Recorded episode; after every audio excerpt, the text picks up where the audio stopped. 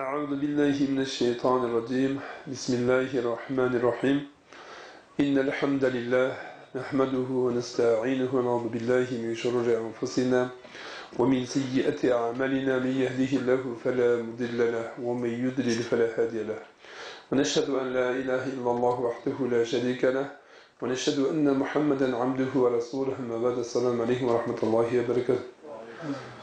Bugün sabahımız El-Hududu alel-Ceraimil Hılkiye Yani minez, minez hukuktағы күнәларға болған жаза. Al-Ikruh alel-Fadilati la yasna'ul insan al-Fadila Бір жақсылыққа адамды мәжбүрлеу, жақсы адамды пайда қылмайды, жақсы адамды жаратпайды. Жақсылыққа мәжбүрлеу адамды жақсы, пазыл адамды жаратпайды. Қандай иманға мәжбүрлеу момын адамды пайда қылмаған сияқты. Яғни мына нәрсеге иман келтіру керек деп мәжбүрлеу адамды иманды не қылмайды екен иманды адам пайда қылмайды екен. Әлбетте нәфсе ақли еркіндік керек. Еркіндік болатын болса міне осы жауапкершіліктің негізі осы болады. Әрбір адамның нәпсінде еркіндік болу ақылында еркіндік болу керек. Яғни мәселен ислам адамзаттың ақылына ақыл менен иманға келуге шақырады. Kur'an-ı Kerim'de mesela ayet-i kerimeden karedim olsa Allah Subhanahu ve Teala İnne fi halqis semavati vel ardı ve ihtilafi leyli ve nehari la ayeti li ulil albab. Elbette kökten ve yerin yaratılısında gündüz ve tünün avsıp turunda akıl iyilerine ayet delildir var dedi. Yani Subhanahu ve Teala'nın yaratılsa, yer şarının yaratılsa, yer mesela бір тәулікте өз өсін айналып шығады. Бір жылда мәселен күнді айналып шығады. Тынымсыз айналып тұр да. Осы мәселен жер шары азғантай тоқтап қалатын болса жерде өмір тоқтап қалады. Егер өсінен шығып кететін болса жерде өмір тоқтап қалады. Алла субханала тағала құранда соны мегзеп жатыр да бізге. Көздеріңді ашыңдар қараңдар. Мына мен жерді мен жараттым деп жатыр да. Осы жердің жаратылысына қараңдар. Көктердің жаратылысына қараңдар. Жердің жаратылысына қараңдар күндіз бен түннің ауысып тұруына қараңдар егер біздің жағдайымыз қандай болатын еді егер тек қана күндіз болып тұратын болса немесе біздің жағдайымыз қандай болатын тек қана түн болып тұратын болса қанша электр энергияға мұқтаж болатын егер тек қана қараңғы болып тұратын болса егер тек қана күндіз болып тұратын болса ше қазіргі күндері қандай қапырықтар болып жатыр күндіз адам шыдап болмайды егер тура сондай болып тұратын болса қалай болады алла субханала тағала өзінің күндіз бен түнді жаратып қойған міндет қылып айтып жатыр түн менен күннің ауысып тұруында ақыл иелеріне аят бар әлбетте аят бар күдіксіз аят бар неге алла тағаланың бар екендігіне бір екендігіне басқа да көп аяттар бар деп келеді басқа бір аяттарда адамдарға пайдасы тиетін заттарды көтеріп жүретін теңіздегі кемелерде аят бар дейді теңізде кеме теңізді қақ жарып кетіп жатыр қандай неше тонналық ауыр зат та үстінде неше тонналық зат бар адамдарымен қанша ұзақтықтарға алып бара жатыр да бұлардың бәрінде алла субханала тағала аят бар дейді белгі бар дейді және алла субханала тағала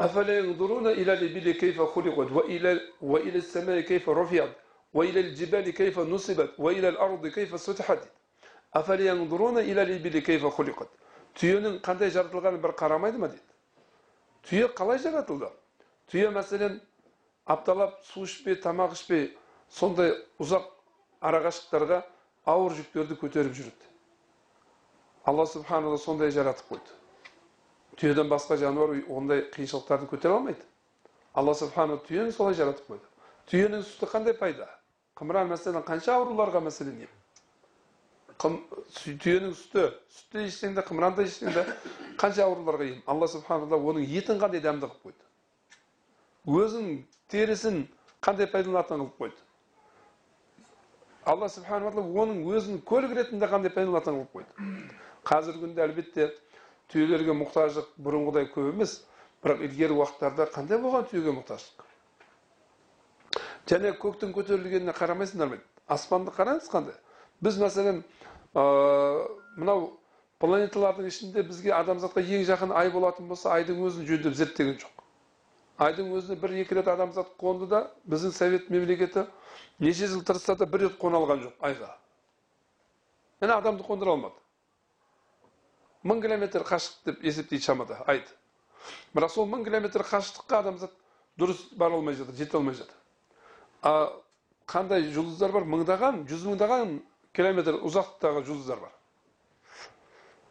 сондай жұлдыздар бар дейді бізге көрініп тұр да ол қашан жоқ болып кеткен жұлдыз дейді бірақ сәулесі әлі жетіп келмегендіктен көрініп тұр ол дейді сәулесі әлі жетіп келмеген енді оның ұзақтығын біле беріңіз да қандай ұзақтық бұл енді ғалымдардың айтуы біз енді оны астрономиясыз ғой біз тексереміз бірақ ғалымдардың айтуы ғалымдардың жазуы ең төменгі аспанның өзінде 250 миллион жұлдыз бар дейді бізде құранда алла субханала тағала жеті қабат аспан бар а қазіргі күнде ол осы біздің галактикадан басқа алты галактика тауып отыр яғни жеті галактика біздің немен қосқан кезде бұның бәрі қандай үлкен кеңістік бұны кім жаратты алла субхана мен жараттым деп жатыр да міне алла субхананың құдіретін біз осы заттарын көріп білеміз және дейді тауға қарасын дейді қандай тік қылынған алматыға барайық алматының тауларына шығайық о таудың төбесіне шейін ағаштар. Егіп олай шығара алмайсыз қандай биік ағаштар тұр. Ғалымдар айтады сол таудың төбесіндегі ағаштардың әрқайсысында дейді жүз тонна су сақтайды дейді. Бұны сол жаңағыдегі география астрономия ғалымдар айтып отыр. Жаңағы осы нені зерттейтін зоология биология ғалымдарымыз таудың төбесіне шейін ағаш қалай шығып тұр? Су қалай барып тұр? Кім жеткізіп тұр оны? Арабстандарға баратын болсаңыз жыбылдыр таулар бар үстінде ештеңе жоқ ештеңе тас қақ қара тас үстінде ештеңе жоқ а біздің тауларға келсеңіз таңқаласыз біздің таулардың төбесіне шейін ағаш шығып тұр төбесінен су ағып тұр алла субханалла қалай жаратып қойды сондай тік қылып жаратып қойды біз тауларды тау бірақ құран кәрімде алла субханала тағала сол наба сүресінде біз тауларды қазық етіп жараттық дейді қазық етіп жаратты таулар дейді осы мәселен қазық етіп жаратқан жер өз өсінен шығып кетпесін деп. Ғалымдар қазіргі күнде анықтап жатыр тау қанша биік болатын болса оның жерге қарай ә, несі де былай тамыр деп айтсақ дұрыстау болады. Жердің жердің несіне қарап түбіне қарап солай кеткен. Яғни қазық секілді. Қазықты жерге қағасыз қазық жерге кіреді. Сол сияқты тау да жерге қағылып тұр. Қазық секілді. Жерді ұстап тұр өзіне өз өсінен шығып кетпейтін таулар да бекер жаратылған жоқ. Таудың қызметі көп. Мәселен теңізде теңіздің суы ащы су. Бірақ сол ащы суды алла субханала тағала буға айландырып аспанға көтереді. Аспанға көтерген кезде бұл аспанға көтерілген сайын бұл парлану күшею керек. Парлану күшею керек та ол аспанға сіңіп жоқ болып кету керек. Неге? Күнге жақындайды. Бірақ алла субханала тағала аспанда сегіз километр биіктікте салқын самал ағысын пайда қылған. Жаңағы теңізден көтерілген бу сол сегіз километрге барған кезде ары өте алмай жинала береді сол жерге. Сол жерге жиналып бұлтқа айналады. Бұлтқа айналады да оны материктің түкпір түкпіріне ішкі жақтарына алла субханала тағала самалдармен қуып алып барып оны жаңбыр қылып жаудырады. Енді жаңбыр жауған кезде таудың төбесіне қар болып жауады мұз болып қатады. Жыл он екі ана тауда не? Бізге су келіп тұрады. Қараңыз тәтті суды алла субханала қалай пайда қылып қойды адамзатқа? Ащы судан. Құранда алла субханала айтады егер біз қаласақ дейді сол үстеріңізден жауып жатқан жаңбыр теңізден көтеріліп дейді. Теңізде ащы су еді. Көтеріліп тұщы су болып жауып жатыр дейді. Біз соны ащы су қылып жаудырып қоятын едік дейді қаласақ дейді құранда алла субханала неше аяттарда ашық айтып қойған осы процестердің бәрін баян етіп қойған соның үшін алла субханала тағалаға біздер иман келтірген кезде ешкімді мәжбүрлеп иман келтірмейді. Құран кәрімде алла субханала тағала пайғамбар айтады. Дейді. Сен оларға қорықшы қылып жіберген емессің дейді мәжбүрлеп дінге кіргізбейсің деді. Әлбетте сенің міндетің жеткізіп қой дейді бірақ жеткізіп қойған кезде адамдардың ақылына адамдардың нәпсісіне яғни білімменен ғылымменен ақылменен жеткізіп жатыр. Құран кәрімде алла субханала өзінің аяттарын яғни мәселен иман келтіруге шақырған кезде. Демек нәпси және ақли еркіндік бұл жауапкершіліктің негізі екен ислам осы ақиқатты бағалайды және оны құрметтейді осы нәрсе яғни мәселен адамдағы ақли нәпси еркіндік бұл жақсы мінез құлықтарды не қылады екен құрады екен не үшін біз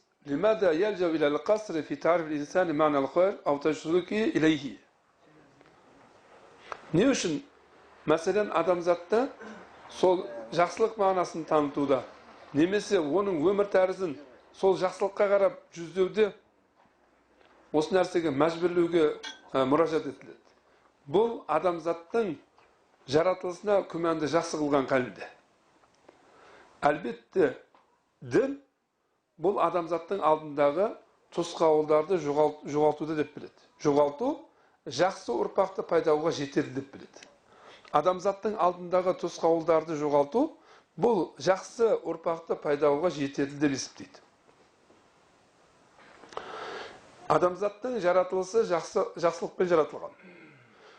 Деген сөздің мағынасы бұл періште деген емес. Тек қана жақсылықты ғана ойлайтын жақсылықты ғана орындайтын періште деген емес. Яғни адамзаттың фитраты жақсы деп жатырмыз біз ә? бұл дегені бұл адамзат бір бұның мағынасы адамзат тек қана жақсылықты орындайтын періште деген емес періштелер нені істейді екен? Періштелер жамандық істемейді екен. Періштелер алла субхана тағала ешқашан қарсы болмайды екен. Қайсы амалды алла тағала бұйырса соны орындайды екен.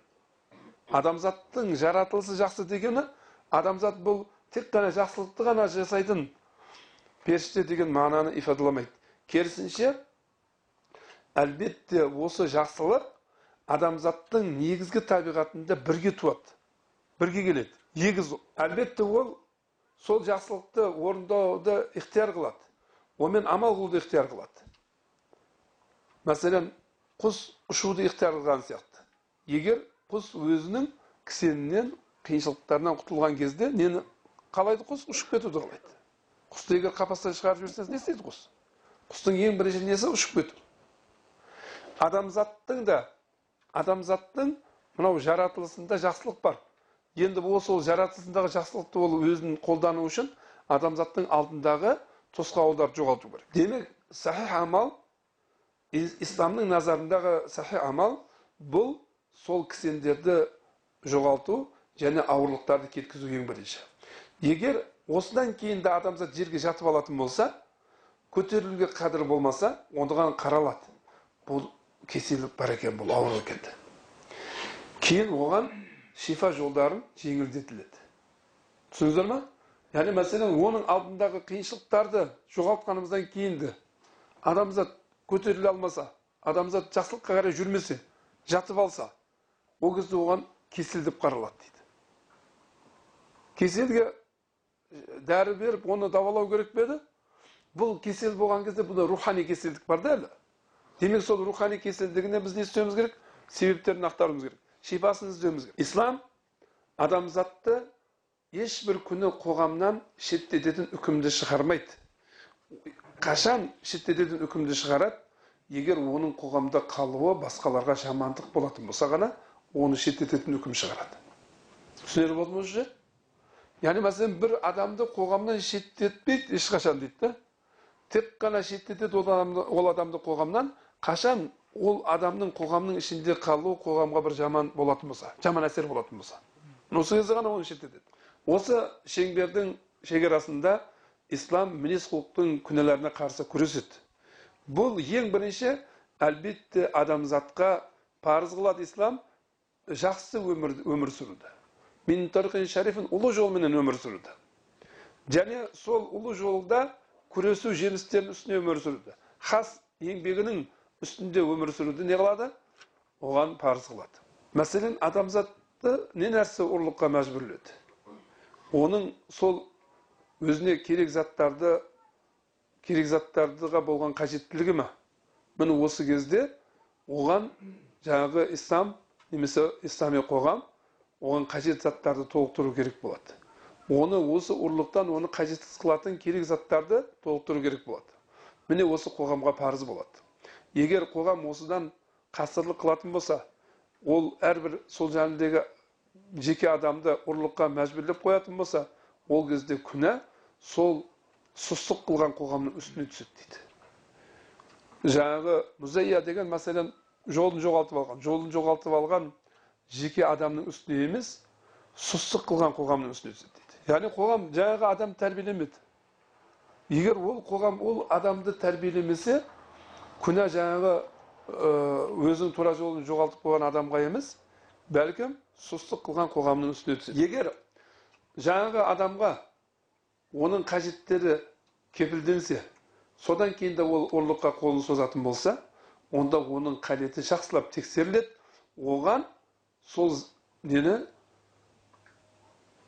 азапты оған түсіруден алдын оны мәселен азаптаудан алдын оны ә, сол жөніндегі қылмысына жараса оның жазасын беруден алдын оның халін жақсылап тексеріледі дейді.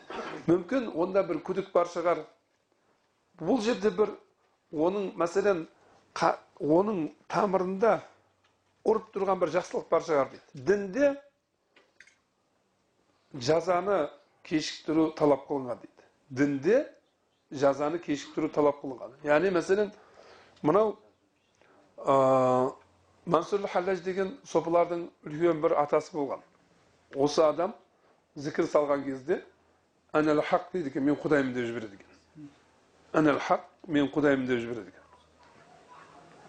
Оның ұстазы да солай айтады екен. Зікір салып отырған кезде өзін жоғалтып қойып мен құдаймын деп жібереді екен. Сонда жаңағы ұстазынан сіз осындай зікір салған кезде мен құдаймын деп жібердіңіз десе е мен солай дедім ба? Астағфирулла деп тәуба қылады екен мансұр халаш айтады екен сендер мені бағана ә, сол жөніндегі зікір салып жатқан кезімде өзім жоғалтып қойған кезімде естідіңдер ме осы сөзді иә мен қазір қалай отырмын есімде отырмын ба жайымда отырмын ба дейді екен да иә десе мен қазір де айтамын сол сөзді дейді сонда ғалымдар ол кісіні бұйырған екен тоғыз жыл қамап қоюға тоғыз жыл қамап қойып тоғыз жыл ол кісіден мәселен сұрақ жауап қылып екен ақырында сол жолынан қайтпағаннан кейін оны мәселен жазасын беріп өлтірген екен оны әлде де тура жолда кетті дейді яғни айныған сопыларда тура сопылар ол, ол нәрсені айтпайды әлбетте біз енді ол тарихтың басында болғанымыз жоқ бірақ кітаптарда жазылу осылай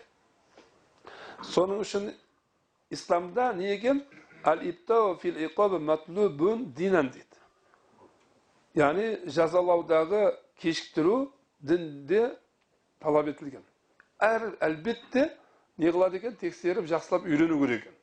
Бірден жаза беріп жібермейді екен. Пайғамбар саллаллаху алейхи вассалам осы сол себептен айтады иннал имама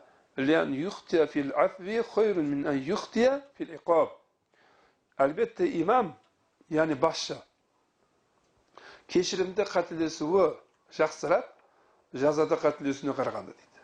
Бір адамға жаза беруде қателесу ол күнәсі ауыр екен да бірақ кешірімде қателесетін болса ондай күнәсі жоқ екен демек кешірімде қателесу неден жаза берудегі қателесуден гөрі не дейді жақсырақ деді пайғамбар саллаллаху бір егер мәлім болатын болса жаңағы жеке адамның қалдерін тексеруден әлбетте оның сол фитраты бұзылып кеткендігі бұл оны кепілдігін алған оны баспанасына алған қоғамға оның дұшпандық көзіне айналғандығы мәлім болатын болса бұл сол қоғамның жақсылығын мейірімділігін оған оған қарауын оның жақсылығын лайқалатуменен оның тыныштығын бұзуменен оған қарсы алған болса демек бұл қоғамға осы өзінің шахыстарынан болған өзінің жеке тұлғаларынан болған біреуге біреуге бір жазаның беруінде бұл қоғамға ешқандай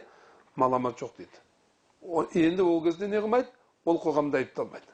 Қоғам жағын жағдайын әбден тексерді. Оған ихтияждардың бәрін берді. Кейін оны мәселен содан кейін де қол созып еді. Одан кейін барып және тексерді оның мәселен бір бұның тамырында бір жақсылық ұрып тұрған шығар деп тұрып жан жақты тексеріп оған керекті нәрсенің бәрін берді. Одан кейін де бұл қоймаған болса яғни бұл шахстың жағдайларын жақсылап тексергеннен кейін бұның фитраты бұзылып кеткендігі әлбетте ол оған кепілдігіне алған оған баспана берген оған жағдайын жасаған бұл қоғамға дұшпандық мәнбәсіне айналған болса яғни дұшпандық көзіне айналған болса және ол бұл қоғамның оған қарап жатқандығын оған мейірімділігіне ол қоғамның ә, пәктігін лайқалатуменен тыныштығын бұзуменен қабыл қылған болса демек бұл қоғамға оған осындай дұшпандығына жараса жаза қолданатын болса бұл қоғамға ешқандай маламат жоқ дейді. Бұл қоғамда енді ешқандай жаман сөз айта алмайсыз бұл қоғамға дейді. Құран кәрімде айтады енді мәселен бір осындай жаман жолға түскен адам да түзететін болса әлбетте ислам ол ондай адамның алла субханала тағала күнәларын кешіріп тәубаларын қабыл ететінін хабарын береді.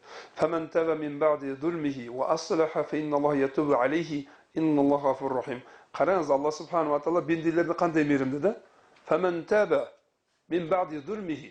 өзі зұлымдық жасап қойғаннан кейін тәуба қылатын болса өзін түзететін болса әлбетте алла тағала оның тәубасын қабыл етеді әлбетте алла субханала тағала күнәларды кешуші бенделеріне мейірімді ағайындар осы жерде біздерде мәселен көп кейбір адамдарда сұрақтар қойылады мынау кеше ғана алқаш болып жүреді мынау кеше ғана басқа жаман жолдарда жүреді бүгін мынау тақуа болып қалыпты бүгін анандай болып қалыпты бүгін мынандай болып қалыпты деген сөздерді айтады біздің дінімізде кеше күніне қарамайды мына қараңыз алла субханала тағала айтады кім зұлім қылып қойғаннан кейін яғни сондай жаман жұмыстарды істеп арақ ішті басқа бір жаман күнәларды жұмыс істеді бірақ сол өзінің сол күнәларын түсініп тәуба қылып зұлмінен кейін тәуба қылса дейді дейді өзін түзетсе өзін түзетсе деген енді сол жұмыстарын қойса арағын қойса басқа бұзақылықтарын қойса бәрінен тәуба қылатын болса алла субханала тағала деп тұрып инна айтып жатыр. Яғни тәкит әріпімен айтып жатыр. Әлбетте күдіксіз алла тағала оның тәубасын қабыл етеді. Алла субханала тағала әлбетте алла субханала ғафур. Өте күнәларды кешіруші рахим өте мейірімді. Соның үшін кеше ғана күнә істеп жүрген еді. Бүгін тақуа болып қалыпты деп айту бізде дұрыс емес екен. Әлбетте қайсы адам тәуба қылып өзін түзететін болса біз ол адамдарды не істейміз? Ол адамдарға ол жақсы көзбен қарауымыз керек болады. Ең бірінші өзімізді түзетіп алатынбыз бірақ сондай мәселен жаман жолда жүрген адамдар жақсы жолға кіріп кететін болса қуануымыз керек. Омар бин хаттаб разиаллаху анху қырқыншы болып исламды қабылдаған адам алтыншы неде? Дағуат жыл пайғамбар саллаллаху исламға пайғамбарлық келгеннен кейін алтыншы жылында бұл кісі исламды қабылдайды. қырқыншы болып. алты жыл уағыздан кейін аспан мен жер байланып тұрған кезде қырық адам исламды қабылдайды. соның қырқыншысы болып бин хаттаб разиаллаху анху исламды қабылдайды.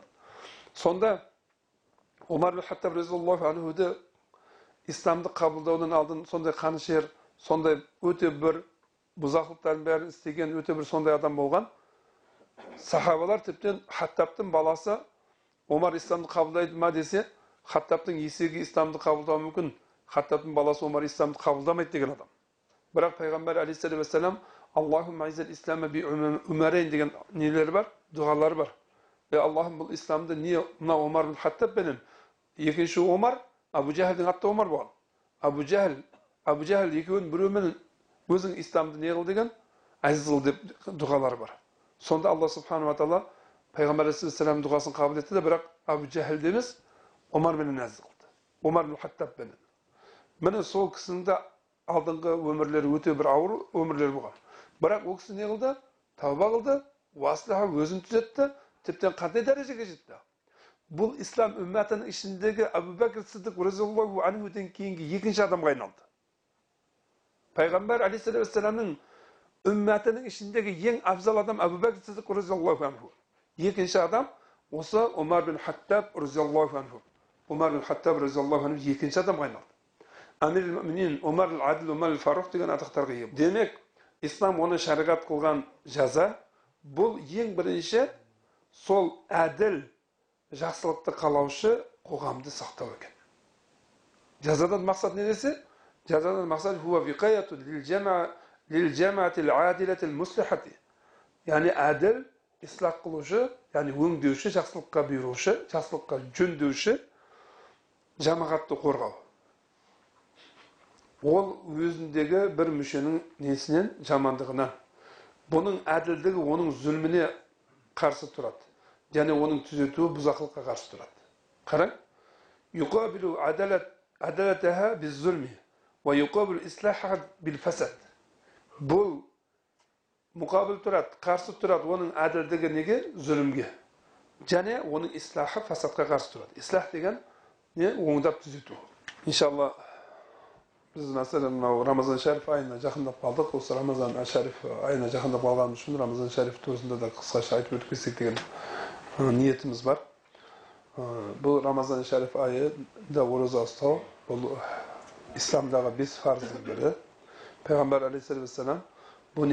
аля хамсин ислам бес нәрсенің үстіне құрылды деді соның біріншісі шахадату ан ла иляха иллаллаху анна мұхаммад расулаллах куәлік беру ешбір сенуға тануға лайық зат жоқ тек қана алла тағала сенуға табынуға лайық және куәлік беру мұхаммад саллаллаху алейхи вассалам оның елшісі деп және екіншісі салат намазды қайым қылу намазды тұрғызу намазды тұрғызу намазды өз уақытында оқумен біргелікте намазда фарыздерін уажіптерін сүннеттерін мұсахабтарын орнына қоюмен біргелікте намазда хушу хузурмен тұру яғни алла тағаладан қорқып тұру алла тағаланың алдында тұрғанымызды сезіп тұрып намазымызды оқу және рамазан айында ораза ұстау рамазан айы келе жатыр иншалла ағайындар рамазан айында ораза ұстау жылдан жылға мәселен ыстық уақыттарға келіп жатыр күн ұзақ уақыттар келіп жатыр мына араб мемлекеттерінде әсіресе саудия мемлекеттерінде ораза ұстау жеңіл бізге қарағанда күн ыстық болса да неге оларда не уақыт сағат мөтәдил сіз он үш сағат 14 сағат болады да 13 сағаттан асып кетпейді мәселен ал бізде мәселен қазіргі күндерде рамазан шәриф иншалла сағат мәселен бамды төртке келіп жатыр екен үштен елу екіде да төрттерге келіп жатыр екен төрттен төрт төрттен он сондай уақыттар келіп қалады төртте сағат таңертең төрттеде бамдат уақытта кіріп жатыр екен енді ойлаңыздар төртте кіріп жатқан болса тоғызда батып жатқан болса төрттен төртке шейін он екі сағат болса ар жағында төрттен тоғызға дейін бес сағат он жеті сағат не болып жатыр ораза ұстайтын уақыттар болып жатыр жеті сағат ауыз ашатын уақыттар болып жатыр қыстың күндері оның керісі болады енді мәселен осындай ыстық уақыттарда осылай ораза ұстау қиын. Бірақ бұның сауабы өте үлкен. Хадис біз айтып өтіп кеттік көп сабақтарымызда хадис екі түрлі болады. Хадис нәбави дегеніміз бұл хадис ләфзіде мағынасында пайғамбарымызға тиісті болған хадис. Хадис құдуси дегеніміз ләфзі пайғамбар саллаллаху алейhi деген мағынасы алла тағалаға тиісті. Сол хадис құдусиде алла тағала айтады.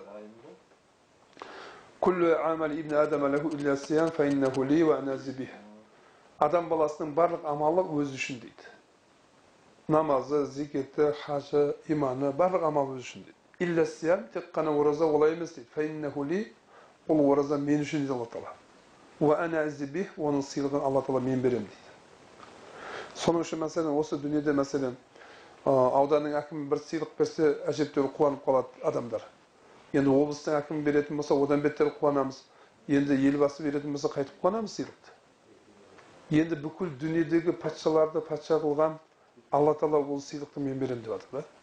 Оразаның сыйлығын мен беремін деп жатыр алла субхана мен оған жетерлім деп жатыр. Ораза ұстау үшін екі қуаныш бар олмен қуанатын дейді.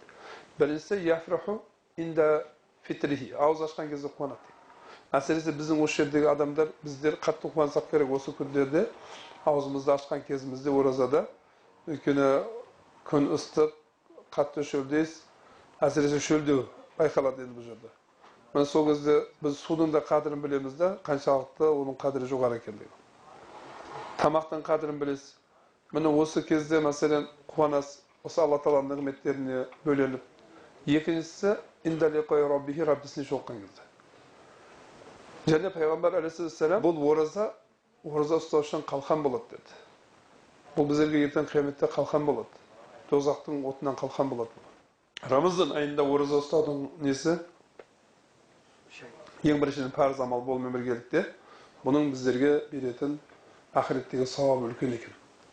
Соның үшін иншалла мынау рамазан шәріп айы келе жатыр. Оған алла тағаладан сұрайық. Әсіресе бірінші тарaf күнінде дұғалардың ең бірінші қабыл болатын кезі алла субханала тағаланың бұл рамазан шәріп айында бенделеріне рахметі жауып тұратын ай күнәларын кешіріп сауаптарын есепсіз беріп сондай бір пенделеріне пенделеріне сол не? Өзінің рахметі жауап тұратын ай. Және бір түнді беріп қойды ләйләтул қадір түнін беріп қойды. Мың айдағы ибадаттан абзал деп қойды. Деп. Бір қадір түні мың айдағы ибадаттан абзал деп. Осындай нелерді алла субханала тағала береді рахметтерін жауады шайтандарды кісендеп қояды. Біздерді ибадатты емін еркін орындауымызға тосқауылдардың бәрін алып тастайды. Тосқауылдың ең үлкені не еді? Ол шайтан еді. Шайтанды алып тастайды. Шайтанның тосқауылдан ең үлкен екенін біз көреміз. Осы рамазан шәріп айында мешітке қарасаңыз мешіттегі адамдармен толады. Таравихтен басталғаннан бастап адамдар қандай ойламаған адамдарымыз мешітке келіп қалады? Неге? Оларды ұстап тұрған шайтан кісенделіп қалды шайтан кісенделгенін анық көресіз отызыншы таравих болғаннан кейін ертесіне барасыз құтанға ешкім таппайсыз қайтадан шайтан жіберілді қайтадан шайтанның ана кісеніне ана адамдар түсіп қалды сол үшін мәселен біздер осы сол келген адамдарға да үйретейік дұға қылсын алла тағаладан қандай дұға алла субхан тағала бәрімізге үйреткен дұғасы бар ربنا لا تزغ قلوبنا بعد إذ هديتنا وهب لنا من لدنك رحمة إنك أنت الوهاب Раббана ла тузи кулубана бағда idh хадайтана ей өзің біздің жүрегіміз басқа жаққа бұрмаған, өзің бізді тура жолға бастап қойғаннан кейін. Алла субханала тағала сіздерді өздері тура жолға бастап қою бір Алланың ұлы нығметі болатын болса, сол ұлы нығметінде тұру Алла субханала тағаланың екінші ұлы нығметі екен. Сол үшін Алла субханала тағала Раббана ла тузи кулубана бағда ида хадайтана. Ей Раббымыз, бізді өзің тура жолға бастап қойғаннан кейін өзің бізді адастырып қоймаған жүрегімізді басқа жаққа бұрмаған өзіңнің алдыңдағы рахметіңді бізде сыйлаған әлбетте өзің сыйлаушысың. Міне осы дұғаны үйретейік. Және біздерге алла субхана тағала үйреткен дұғаларынан я раббым бізге осы дүниеден жақсылығын бер ақиреттен жақсылығын бер біздерді өзің тозақ азабынан сақта осы бірінші таравихте тұрған кезімізде осы рамазан шәріп айындағы оразамызды алла тағаладан сұрап қалайық жеңіл болсын жеңіл өтуін және оразаның ішінде жаман сөздерді сөйлеуден біреуге айқайласудан алла тағала сақтасын өйткені пайғамбар саллаллаху алейхи